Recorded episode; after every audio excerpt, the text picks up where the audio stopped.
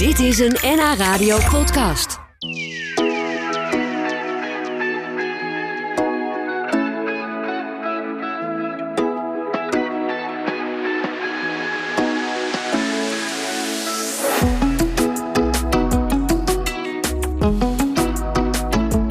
Praten met Remco Bosma. Hij is sinds 1 februari de nieuwe dijkgraaf van het Hoogheemraadschap Hollands Noorderkwartier.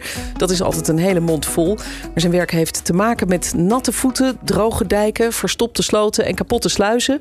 Maar hoe ziet zijn dagelijkse werkveld er eigenlijk uit? En hoe word je dijkgraaf?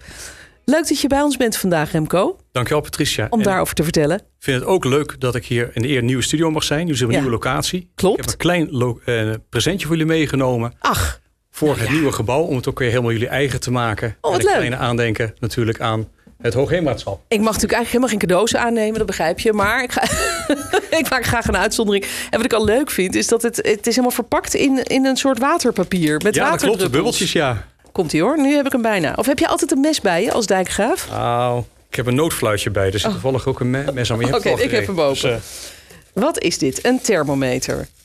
Of is het een... Ja, het is een thermometer, denk ik, hè? het is een thermometer in de vorm van een pijlschaal. En Nou. eh, ja, ik denk wel een beetje het onderwerp waar we het ook wel over kunnen hebben. Natuurlijk klimaatverandering en de, het effect daarvan altijd eh, op het gebied van water, toch? Ja. Eh, heel simpel gezegd, we hebben door de klimaatverandering hevige buien, maar ook langere perioden van drogen. Ja, dat merkte, merken we nu Ja. ook al, hè, deze Ja, zomer klopt. en het voorjaar. Eh, maar je zei in de vorm van een pijl, Een pijlschaal. pijlschaal. En wat is een pijlschaal? Een pijlschaal is eigenlijk, noem bijna zeggen, een, eh, een meter van hoe hoog het water staat. Ja. Ehm, in een, eh, die staan vaak in de sloten en mensen kunnen dan precies zien hoeveel het water onder NAP staat of boven NAP staat. Ja, ja. Ja. En wij hebben per gebiedje afgesproken wat ongeveer de waterpeil is wat wij daarin handhaven. Dus als het te veel is, dan gaan we pompen. En als het te weinig is, dan zetten wij het sluisje open. Ja. En dan laten we het water naar binnen komen. Ja, en dat is eigenlijk in de kern wat het waterschap natuurlijk doet. En, en waar jij als, als dijkgraaf dan uiteindelijk verantwoordelijk voor bent, toch? Ja, en in, de, in het begin was dit natuurlijk eh, de enige taak die natuurlijk eh, bij een waterschap zat. Eh, ik ben natuurlijk ook voorzitter van een hoogheemraadschap. Dus die hebben ook het dijkbeheer. Dus wij houden ook het water buiten vanuit de zee. eh, de primaire waterkering. We hebben ook, eh, laten we zeggen, secundaire waterkering. Dat is na- naast de boezems en de binnenwateren. En we zijn natuurlijk ook verantwoordelijk voor de waterkwaliteit.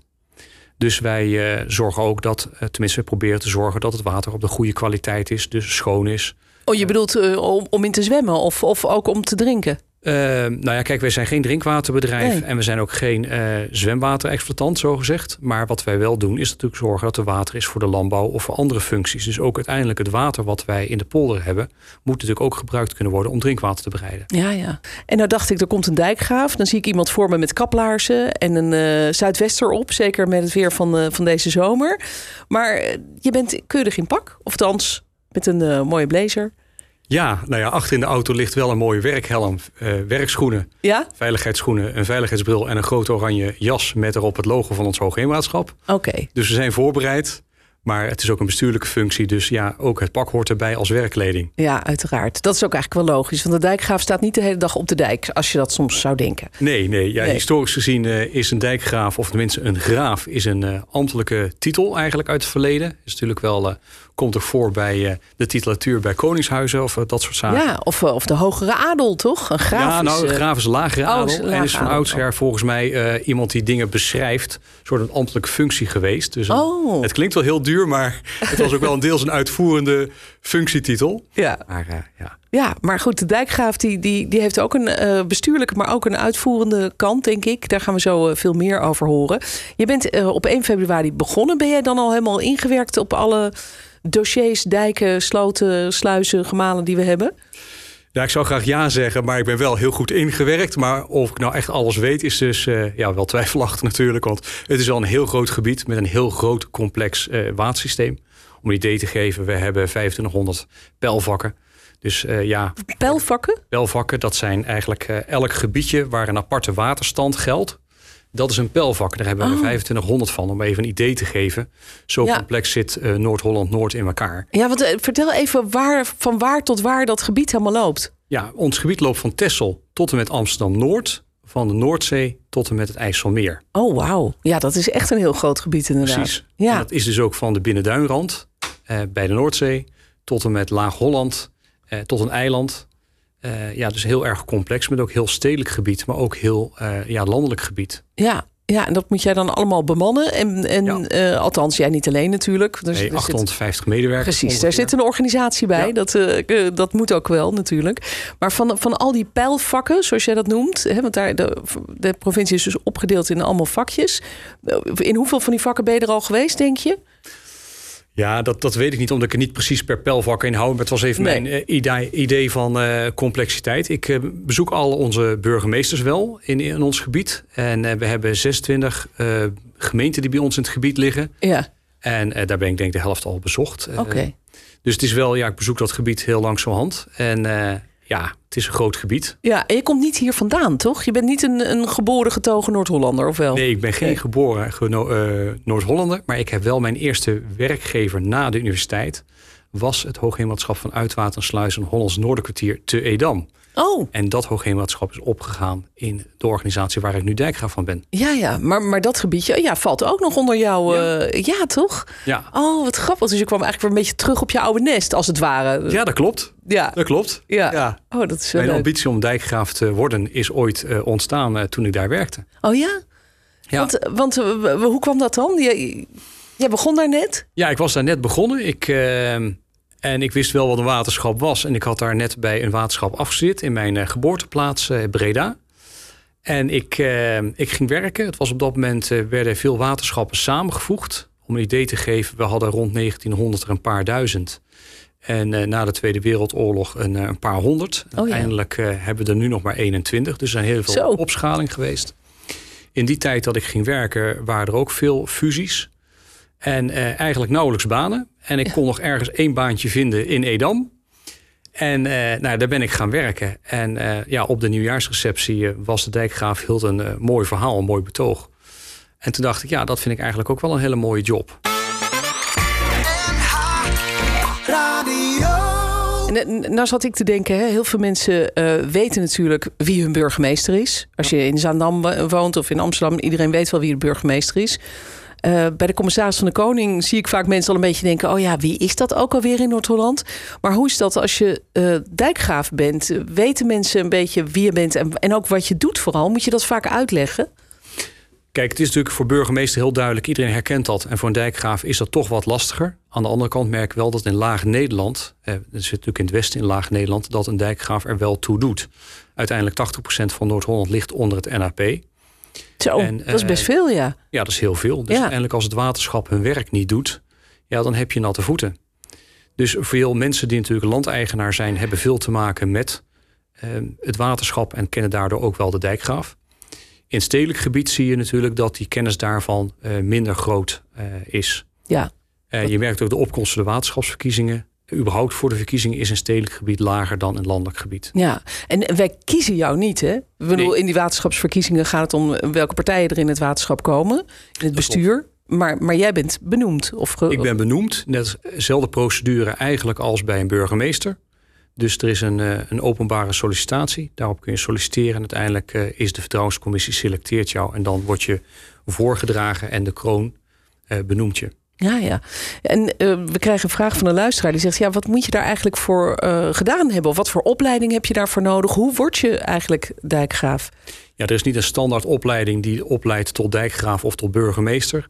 Maar ervaring in het openbaar bestuur helpt natuurlijk wel. Ja, want je wordt echt toch een soort burgemeester, laten we maar zeggen, van, eh, van het waterschap. Dat klopt. En ik, eh, bij veel waterschappen is ook een waterkennisachtergrond eh, van belang. En heb jij dat ook? Ja, ik heb waterkwaliteit gestudeerd eh, Oh ja. en milieukunde, milieuhygiëne in Wageningen Universiteit. En ik heb zelf ook lesgegeven bij de Stichting Wateropleidingen. En ik heb heel lang bij een Rijksinspectie gezeten... waar ik toezicht heb gehouden op het waterbeheer in Nederland. Ja, ja. Dus je hebt er wel verstand van. Dat kan niet anders. Dat, dat hoop ik, ja. ja, daar gaan we vanuit natuurlijk. En, en eh, hoe, hoe ziet dan in de praktijk, nu jij dijkgraaf bent, hè, sinds 1 februari? Je vertelde eerder dat dat een, een, een droom van jou Ja, is klopt. geweest, eigenlijk heel lang. En, en nu ben je het ook. Eh, Is het ook wat je had verwacht van, van dit werk? Eh, Wat valt er mee, wat valt er tegen? Nou ja, wat het bijzondere is natuurlijk dat het... eh, ik was hiervoor burgemeester en ook een hele mooie job is dat. Eh, maar ik miste een beetje de inhoud. En Ja. dat komt hier echt terug eh, als eh, dijkgraaf.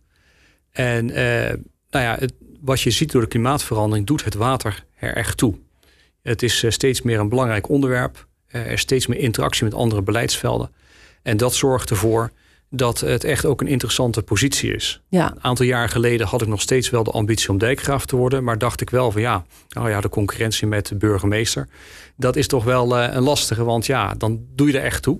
en nu heb ik echt het gevoel, nee, het, met de klimaatverandering is het echt iets waarvan ik zeg, nou daar gebeurt het en daar wil ik ook zijn. Ja, merk jij dat ook al in jouw werk? Je zit er pas een, eh, een half jaar, maar wat, wat merk jij daarvan? Waarom het zo belangrijk is nu? Ehm, nou, een beetje historisch context. Maar in 2012 was er discussie over het voortbestaan van de waterschappen. Uh, waterschappen deden natuurlijk al uh, eeuwenlang hun werk. Maar er werd eigenlijk gedacht van ja, nou ja, god, dat kan door een ander ook wel worden gedaan. Toen is er een rapport opgesteld door de OESO, Europese Commissie voor uh, Samenwerking. En die heeft gezegd, nou ja, het waterbeheer, als we dat in internationaal perspectief vergelijken, dan is dat in Nederland uh, wel heel erg uh, goed gedaan. En dat heeft ook bij het, het, kabinet destijds inzicht gegeven dat we dat toch niet zomaar moeten veranderen. Ja. Ehm, dus dat is eigenlijk een beetje het herontwaken van dat waterschap. En uiteindelijk hebben die waterschappen ook een iets andere manier gekregen van stemmen. Vroeger werd er schriftelijk gestemd, dus moest je per Oh ja. post stemmen. En toen is op een gegeven moment een aparte uh, verkiezingen geweest... die ook samen ging lopen met provinciale staten. En dat heeft wel uh, meer burgers betrokken bij uh, het stemmen ervan. Voor Ja, het kiezen voor het Iets waterschap. meer, ja. Ja, nou ja, we hebben boven de 50% zijn we uitgekomen... en we schelen niet zoveel met provinciale staten. En wat je ziet is dat wij ook uh, duidelijke campagne voeren... dat die waterschap uh, ertoe doet en dat er iets te kiezen is. Ja, En je Ja, merkt want- gewoon ja. dat dat bij burgers steeds meer is... ja, maar hé, hey, we hebben wat te kiezen. Precies. Nou, we, we praten zo nog eventjes verder. Want eh, ik ben ook wel benieuwd eh, wat jij bijvoorbeeld eh, denkt... Hè, als het zo'n zomer is als deze... dat we eerst enorme warmte hebben. En ik geloof het- een droogterecord... Hè, van, van hoeveel dagen het niet geregend had. Ja. En vervolgens zo ontzettend veel regen midden in de zomer. Ik ben heel benieuwd wat dat betekent voor jouw werk als dijkgraaf.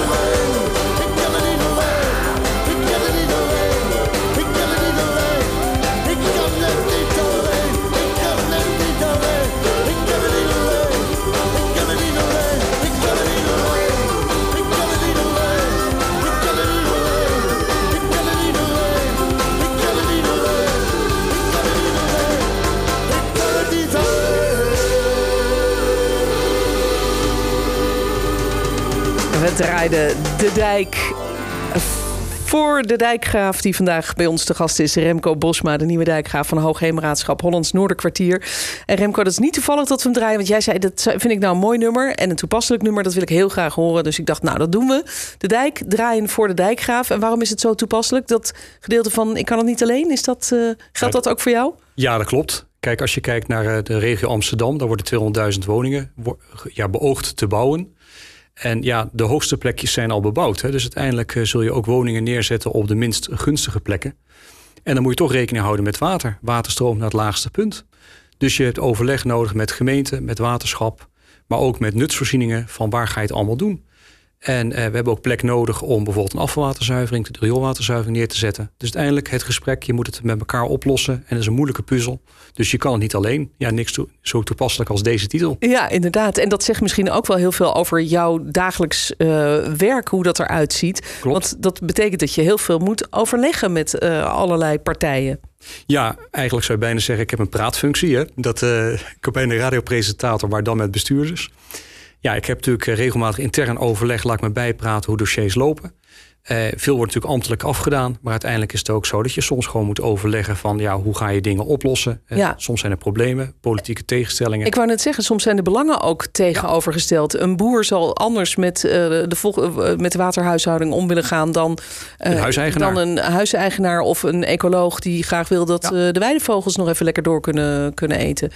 Ehm, dus daar moet jij natuurlijk ook tussen laveren, denk ik. Ja, dat klopt. En ja, sommige dingen kunnen niet eh, naast elkaar of kunnen niet tegelijk. Eh, om een idee te geven, als je het water in de polder te laag eh, maakt, door dus veel water uit te pompen, dan zakt het veenweidegebied in, dan oxideert het veen, krijg je stikstof vrij. Eh, en dan ben je ook een stukje bodem kwijt. Dan moet je de volgende keer weer meer bemalen. Uiteindelijk ben je dan dus bezig steeds meer polder kwijt te raken. Dus Ah, maar het is grappig dat je dat zegt. Want er kwam een vraag over van een eh, luisteraar die zei: Wat doe je tegen overbemaling? Want dan komt inderdaad die stikstof weer vrij uit de Ja. veengrond. Dus, dus daar moet je heel erg eh, alert op zijn dat je dat niet te veel doet. Ja, dat klopt. Dus wij hebben voor elk gebiedje hebben wij staan wat onder maxima waterstand is en de minimale waterstand. En daar proberen wij heel precies tussen te blijven. Ja, ja. Wat, wat zijn voor jou, denk je, de, de grootste uitdagingen voor de komende jaren?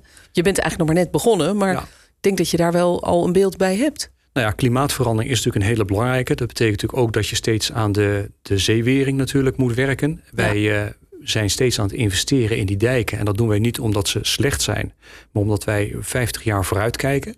Dus dat betekent dat wij nu al investeren in de dijken van de toekomst. Het andere aspect is natuurlijk klimaatverandering. Eh, regenbuien komen ook eh, binnen die polder, dus niet van buiten, maar echt van boven. En dat betekent dat je steeds meer de water uit moet halen. Maar het water wat je eruit had, krijg je ook niet meer er terug. Want het is schaars zoetwater, dus je moet ook steeds meer gaan bufferen. Dat is de grote uitdaging. En ja, ze moeten eigenlijk eh, plekken aan gaan leggen waar je dat water kunt opslaan of zo. Ja, of waar klopt. je kunt bewaren. Ja, tijdelijk Ja. bewaren. En eh, in droge periodes gebruiken. Want je merkt ook, eh, zoetwater is soms te veel, maar heel vaak ook wel een tekort. En tenslotte is er ook een hele belangrijke uitdaging de waterkwaliteit. Eh, meststoffen, maar ook bestrijdingsmiddelen. Maar ook gewoon medicijnen die mensen allemaal inslikken en uitplassen. En die Oh, ja. komen via de rioolwaterzuivering ook in het milieu. En drugs hoor je natuurlijk ook vaak. Ja, Zeker in, in de regio Amsterdam gebeurt dat veel. Ja, dat klopt. En uiteindelijk plas je dat allemaal uit. En dat wordt natuurlijk niet standaard in de rioolwaterzuivering gezuiverd. Daar zijn we wel mee bezig om te kijken of we extra trappen kunnen invoeren. De zuiveringstrappen, om dat schoon te maken. Maar dat is wel lastig. Ja. Ja, dus daar ben je ook nog mee bezig. Ja. Ongelooflijk met het drugsgebruik van de Amsterdammers eigenlijk. Ja, dat klopt. Indirect, ja. ja en, en als je nou kijkt naar zo'n zomer als deze. Hè, we, we zijn begonnen met een, een, een droogterecord. Er waren, eh, ik geloof, 34 dagen achter elkaar had het niet geregend in onze regio. En dat was een- al in geen 100 jaar of zo voorgekomen. Eh, en vervolgens krijgen we al die regen midden in de zomer. Terwijl je verwacht dat het een beetje lekker weer wordt. Eh, wat, is, wat is erger? Dat het te droog is of dat het te nat is? Ja, ooit zei iemand tevreden te samen te bed. Dat is het enige waar Ja. te voor mag staan wat eh, niet erg is. Ja. Maar overal waar te voor staat is niet goed. Eh, het grootste risico wordt wanneer je een lange periode van droogte hebt... en dan hevige regenval, omdat dijken uit kunnen drogen... kunnen scheurvormingen inkomen en dan eh, zijn dijken kwetsbaar. Maar ook als het heel lang regent, kunnen dijken slap worden... door middel van verweking. Nou ja, ja. Dus wij hebben in dat soort situaties hebben extra dijkwachten.